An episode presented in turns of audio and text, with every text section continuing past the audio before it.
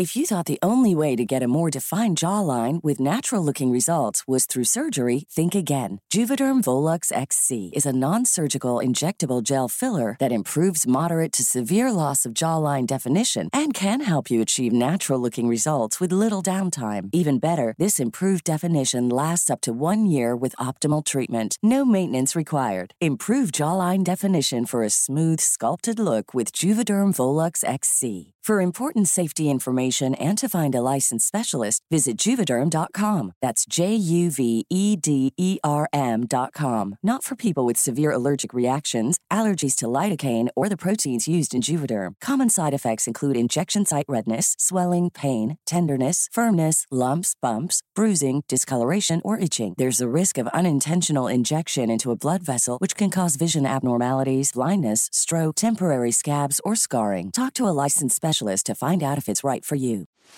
Are you ready to enhance your future in tech? Then it's time to make your move to the UK, the nation that has more tech unicorns than France, Germany, and Sweden combined. The nation that was third in the world to have a $1 trillion tech sector valuation. The nation where great talent comes together. Visit gov.uk forward slash great talent to see how you can work, live, and move to the UK.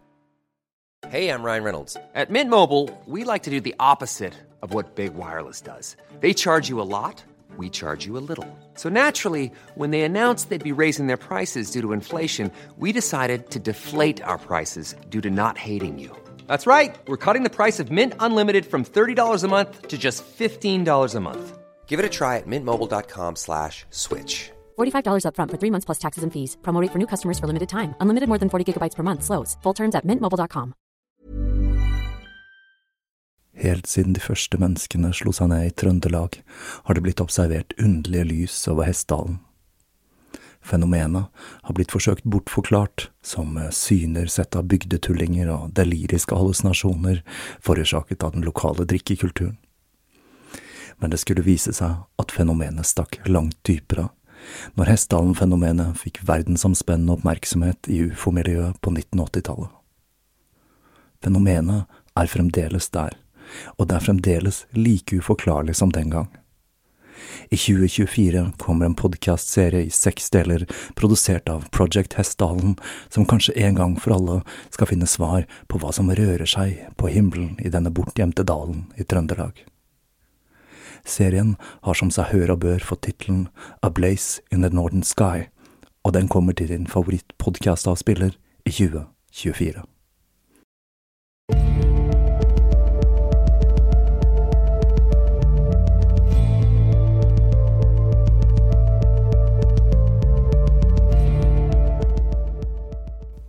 Hei og velkommen til Tåkeprat.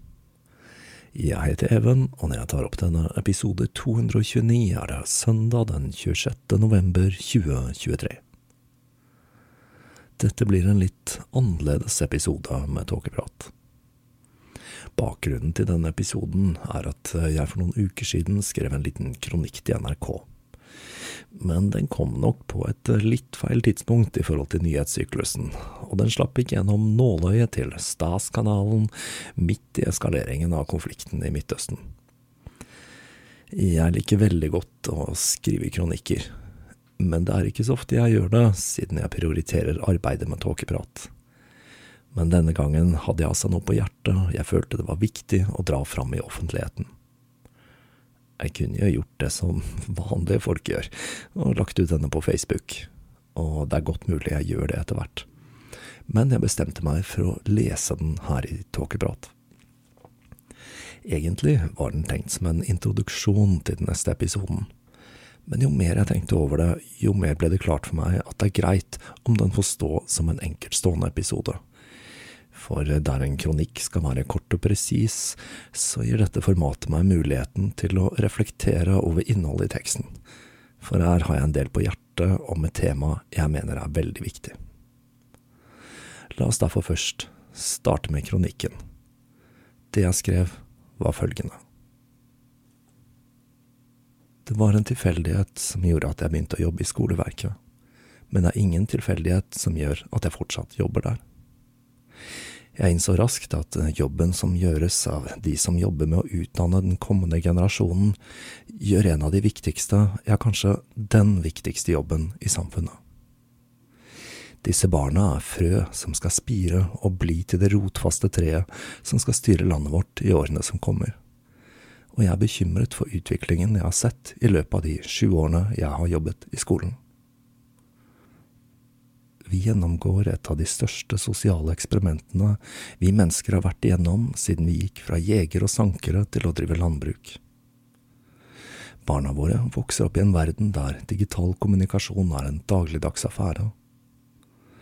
Dette er en kommunikasjonsform som er så ny at selv de færreste voksne har et godt grep om eller en inngående forståelse av hvilke sosiale endringer og enorme konsekvenser den har på et samfunns- og individnivå. Det siste tilskuddet til denne utviklingen er kunstig intelligens, som allerede har gjort sitt inntog lenge før man har fått på plass retningslinjer om bruk av denne gryende teknologien. For meg er det liten tvil om at dette har en direkte sammenheng med barns mentale utvikling, noe som blant annet gir seg utslag i ting som konsentrasjonsevne, sosiale ferdigheter og språkbruk. Hvorfor skal vi da på død og liv presse en iPad på elever på barnetrinnet som allerede har en iPad hjemme som digital sutteklut? Hvorfor er det i hele tatt en diskusjon om et generelt mobilforbud i skolen, når vi vet at mobilbruk fører til økt mobbing og skjult sosial utestengning? Samtidig har jeg sett hvordan mer og mer ansvar legges på lærerne, som ikke bare er forventet å takle en arbeidssituasjon der man har ansvaret for en økende gruppe elever med alskens diagnoser, men man er også forventet å følge en opplæringsplan som stiller tidvis urealistiske mål i forhold til hvilke ressurser som er til rådighet, og den materien vi har å jobbe med.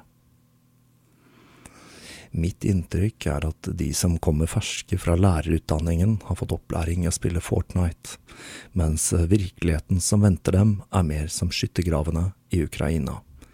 Noe som gjør at flere og flere velger bort læreryrket når det blir konfrontert med den brutale virkeligheten. Det snakkes om at man ønsker flere med lærerutdannelse i skolene. Men da kunne det kanskje vært på sin plass å gjøre skolene til en mer attraktiv arbeidsplass, og for å få til det trenger skolene flere ressurser, ikke færre. Jeg har et langt arbeidsliv bak meg, og jeg må si jeg aldri har opplevd en annen arbeidsplass der det at kollegaer bryter sammen i gråt ikke er uvanlig, og det å bli utsatt for støy, vold og trusler er en dagligdags affære. Til tross for dette, luselønn og stadig dårligere arbeidsforhold, er altså mange av oss som fortsatt velger å jobbe ved skolene. Nettopp fordi vi vet at dette arbeidet er så inderlig viktig. De gangene jeg har lyst til å finne meg en ny, lettere og bedre betalt jobb, tenker jeg på de livene jeg har vært med på å endre, og hvor viktig den jobben jeg gjør, faktisk er. Men jeg er altså bekymret bekymret for at politikerne behandler skolen som et regneark, der kostnadskutt og effektivisering gjør at man ikke ser hva vi egentlig driver med ved skolene. Vi jobber med mennesker, med individer, ikke med en sluttsum med to streker under. Vi jobber med framtiden. Ta oss på alvor.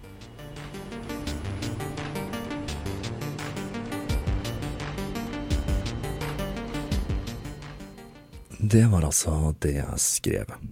Før jeg sendte denne til Stas-kanalen, sjekket jeg med arbeidsgiver om innholdet var ok før publisering. Jeg jobber for Oslo-skolen, og dermed er jeg offentlig ansatt med taushetsplikt, og det tar jeg på høyeste alvor.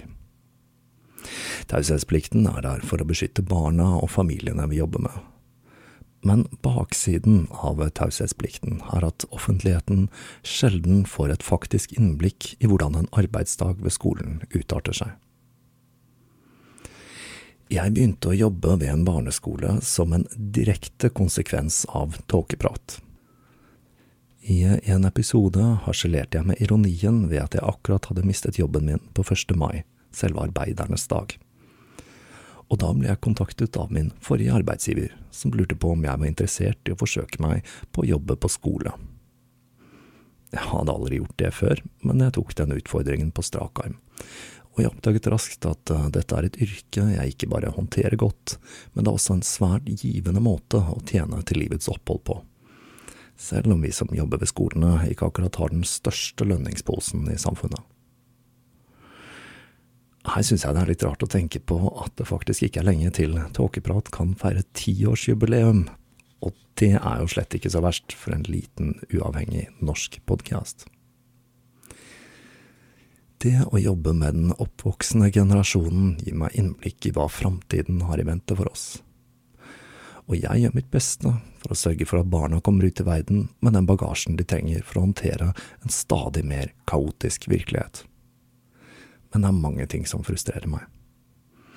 For det første, som jeg var inne på i kronikken, så har det gått sport i å behandle alle samfunnsfunksjoner som om de skulle vært et AS, der målet er å effektivisere ved å kutte kostnader og øke fortjenesten.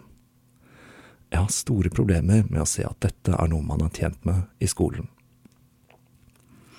Nylig ble det for eksempel foreslått å kutte i støtte til friskolene, noe heldigvis politikerne har moderert seg noe på, takket være iherdige protester og medieomtale.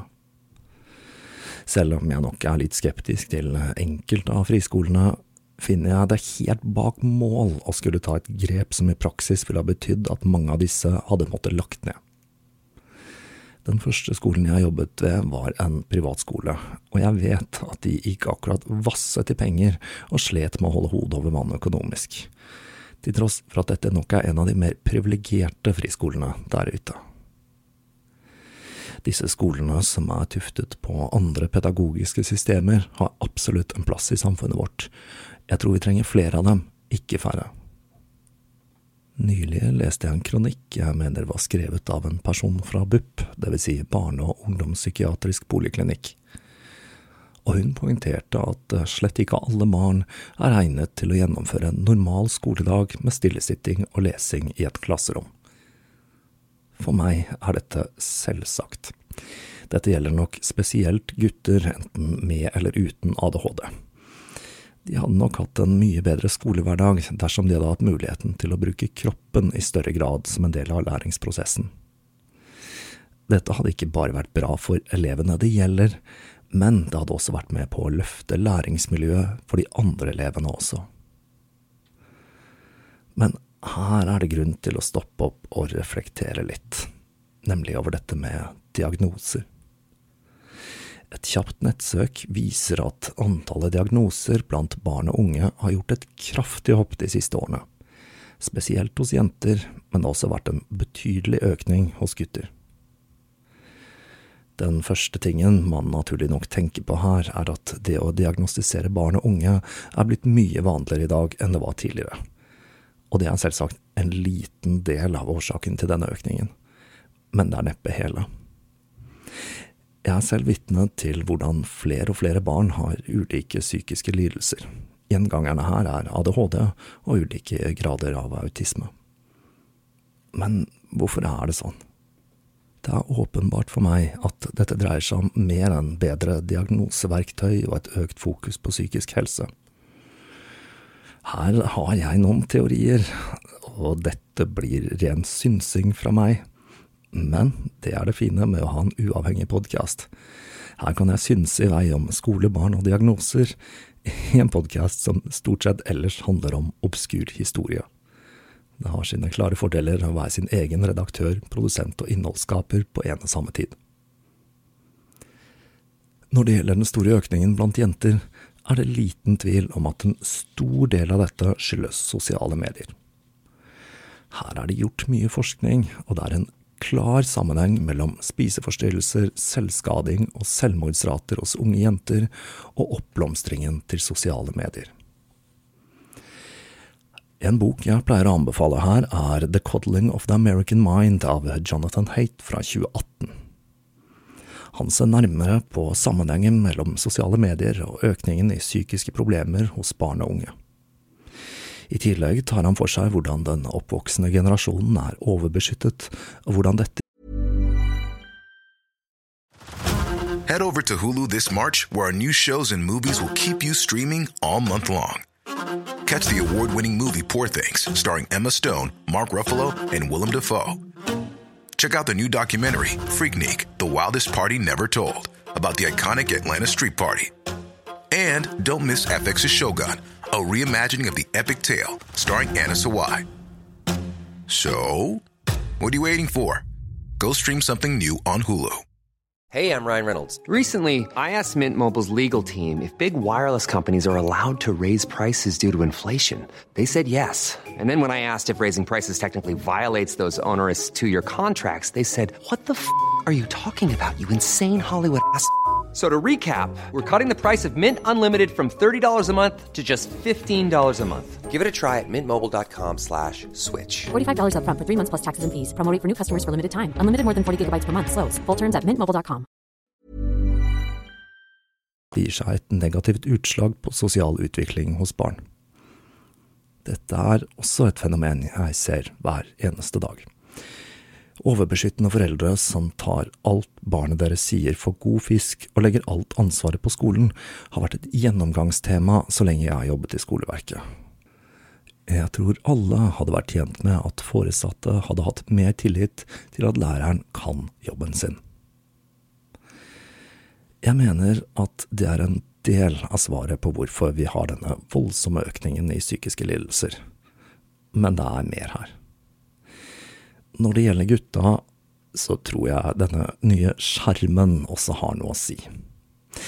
Jeg har lagt merke til at de barna som bruker mest tid på skjerm, og ikke har noen begrensninger på skjermbruk hjemme, utvikler hva jeg vil beskrive som lette autistiske trekk. Det er vanskelig å få kontakt med, og har store problemer med å konsentrere seg om ting som ikke foregår på hypnosefirkanten. Og så, nå skal jeg si noe som nok er veldig kontroversielt, men jeg sier det allikevel, vel vitende om at det sikkert er flere som kommer til å hisse seg opp over det jeg skal si nå. Vi velger stadig å få barn senere i livet. Mor og far jobber og er opptatt av karrieren, og det gjør at man velger å vente lenger og lenger med å få barn. Det var en kollega som først gjorde meg oppmerksom på det. For det virker som om det er en langt høyere andel av barna med eldre foreldre som har psykiske plager som ADHD og lignende. Dette gjelder jo selvfølgelig ikke alle, og det er kun en observasjon fra meg, men det kan virke som om det er en sammenheng der. Vi bakser altså med disse utfordringene, og jeg tror mange der ute ville bli sjokkert over hvor mange elever med tunge psykiske diagnoser som blir plassert i vanlig skole. Igjen, jeg har jo taushetsplikt, men jeg kan si såpass at det er ikke uvanlig at elever som ikke har noen som helst forutsetning for å følge vanlig undervisning, blir plassert i helt vanlige klasser. Tanken bak dette er at de har godt av å bli normalisert. Utfordringen er at dette ofte kan skape utrygge situasjoner, både for eleven og ikke minst for medelever som opplever en hverdag som kan være utrygg og usikker. Jeg etterlyser flere spesialskoler. Det finnes noen, men ikke på langt nær nok til å ivareta disse elevene, og resultatet er at de blir plassert i ordinære skoler som verken har kapasitet eller kompetanse til å ta seg av denne elevmassen. Og med denne hverdagen skal vi altså kutte mest mulig og effektivisere, for eksempel ved å øke antallet elever per klasse. Jeg synes det er direkte uforsvarlig å åpne for klasser med opp mot 30 elever per lærer. Det sier seg selv at det ville være umulig å følge opp enkeltelever på en god måte. Putt inn et par elever med spesielle behov blant de 30, og så kan du tenke deg hvorfor så mange lærere velger å slutte i yrket sitt. En annen ting det ropes høyt om fra Løvebakken, er flere i skolen med lærerutdannelse. Jeg har selv ingen lærerutdannelse, og skal jeg være helt ærlig, så har jeg ingen planer om å etterutdanne meg heller. Det er selvsagt svært viktig at skolen har nok pedagoger til å dekke behovet til elevene. Men behovet til elevene på barne- og mellomtrinnet strekker seg langt utover det rent faglige. Skolen er et sted der barna skal lære å takle sosiale situasjoner og gjøre ting i samspill med andre. Denne delen av læringen er vel så viktig som det faglige. Det vi trenger mer av, er trygge, kunnskapsrike voksne som kan hjelpe barna på livets vei, og de trenger vi mange, mange flere av. Slik det er i dag, er det vanlig å ta inn svært unge mennesker som assistenter ved skolen. Det skyldes nok hovedsakelig to ting. For det første så er vi tilbake til dette med å spare penger. Unge uten arbeidserfaring er de billigste å leie inn, og på den måten får vi effektivisert skolen enda mer, akkurat sånn som man ønsker. Den andre årsaken er at det er en dårlig betalt jobb. Selv kunne jeg nok ganske lett tjent det dobbelte av det jeg gjør nå, om jeg heller hadde satset på en karriere framfor skole og podcasting. Men det er ganske åpenbart at det er ikke penga som gjør at jeg driver med det jeg gjør. Det som har ført meg inn på dette litt merkelige yrkesvalget, er en filosofi om at det er viktig å bruke tiden vi har tildelt her på planeten, til ting som betyr noe. For meg er det å være kreativ, drive med kunnskapsformidling og hjelpe andre. Og det er ting jeg føler jeg får gjort slik jeg har innrettet meg nå.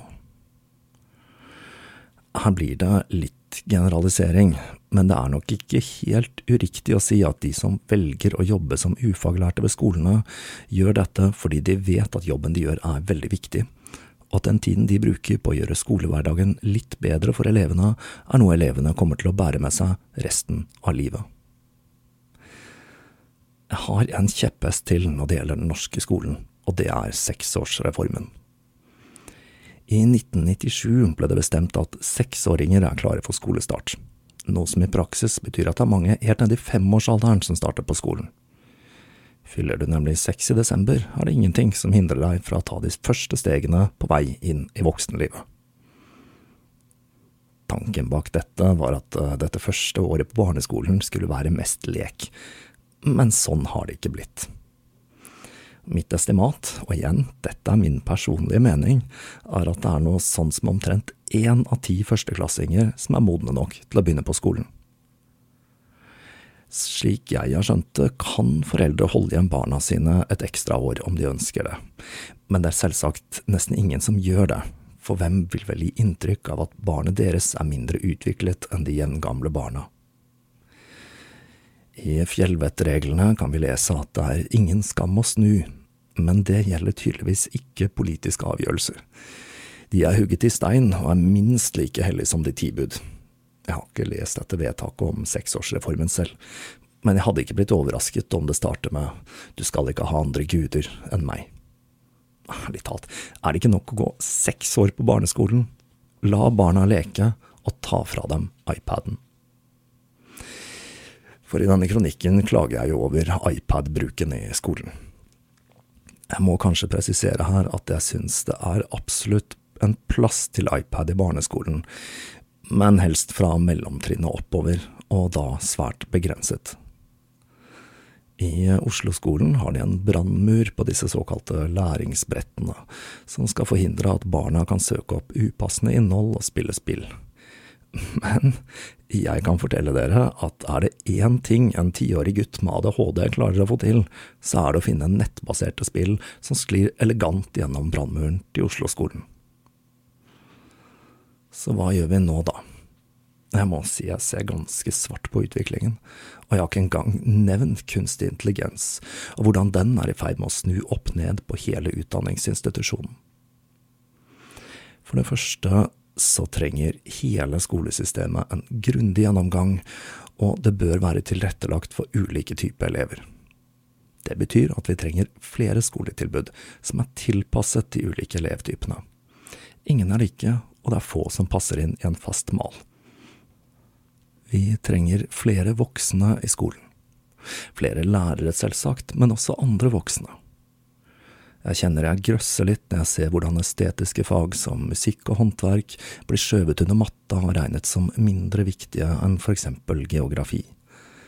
Her må det da være mulig å bruke personer som har kunnskap og erfaring innen disse fagene som lærere, uten at de har lærerutdanning.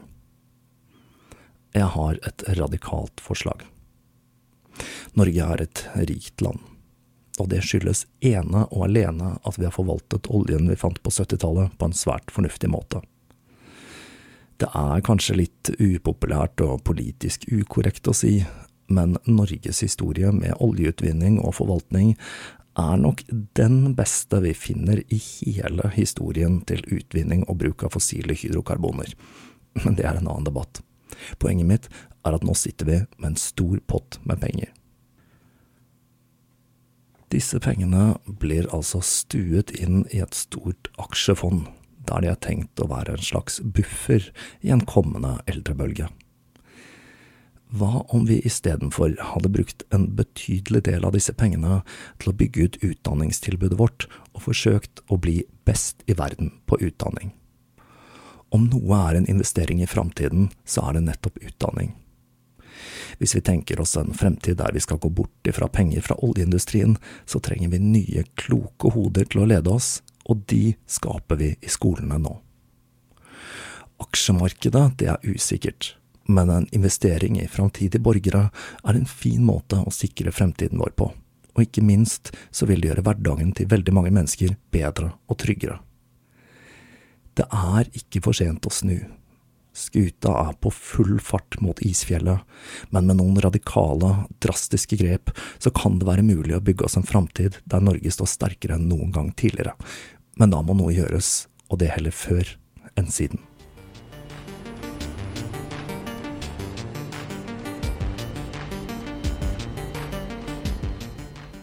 Og det var det jeg hadde for denne gang. Dette ble jo en ganske så lang tirade, og dere skjønner sikkert hvorfor jeg har valgt å gjøre dette som en egen episode. I neste episode planlegger jeg et okkult dypdykk, og jeg følte at det ville bli en litt rar match sammen med mine tanker om den norske skolen. Utfordringen for meg er at jeg ser ikke noe lys i tunnelen her. Mitt beskjedne lille bidrag er denne episoden hvor jeg forsøker å fortelle hvorfor vi bør gjøre noe med hele skolesystemet for å sikre framtiden vår. Utfordringen er jo at personer som hadde trengt å høre den tiraden, neppe har hørt på eller hørt om tåkeprat. Så om du tilfeldigvis kjenner noen som hadde hatt godt av å høre meg lire av meg mine tanker om skolen, send dem gjerne en link til episoden. Hele poenget med denne er å skape debatt og forsøke å rette søkelyset på hva jeg anser for å være et av de største samfunnsproblemene i Norge i dag. De av dere som lurer på om Tåkeprat plutselig har blitt en politisk og samfunnskritisk podkast, kan bare puste rolig. Som sagt så går det tilbake til gamle takter allerede i neste episode. Det jeg håper, er at jeg med denne episoden har nådd ut til noen som ikke har tenkt så mye over tingenes tilstand i den norske skolen, og at et frø er sådd som kan spire og gro til en samfunnsdebatt hvor man ser litt lenger enn nesetippen sin, og hvor man kan diskutere hvordan vi skal forvalte den viktigste ressursen vi har, menneskene som bor her. Vi høres igjen om ikke lenge.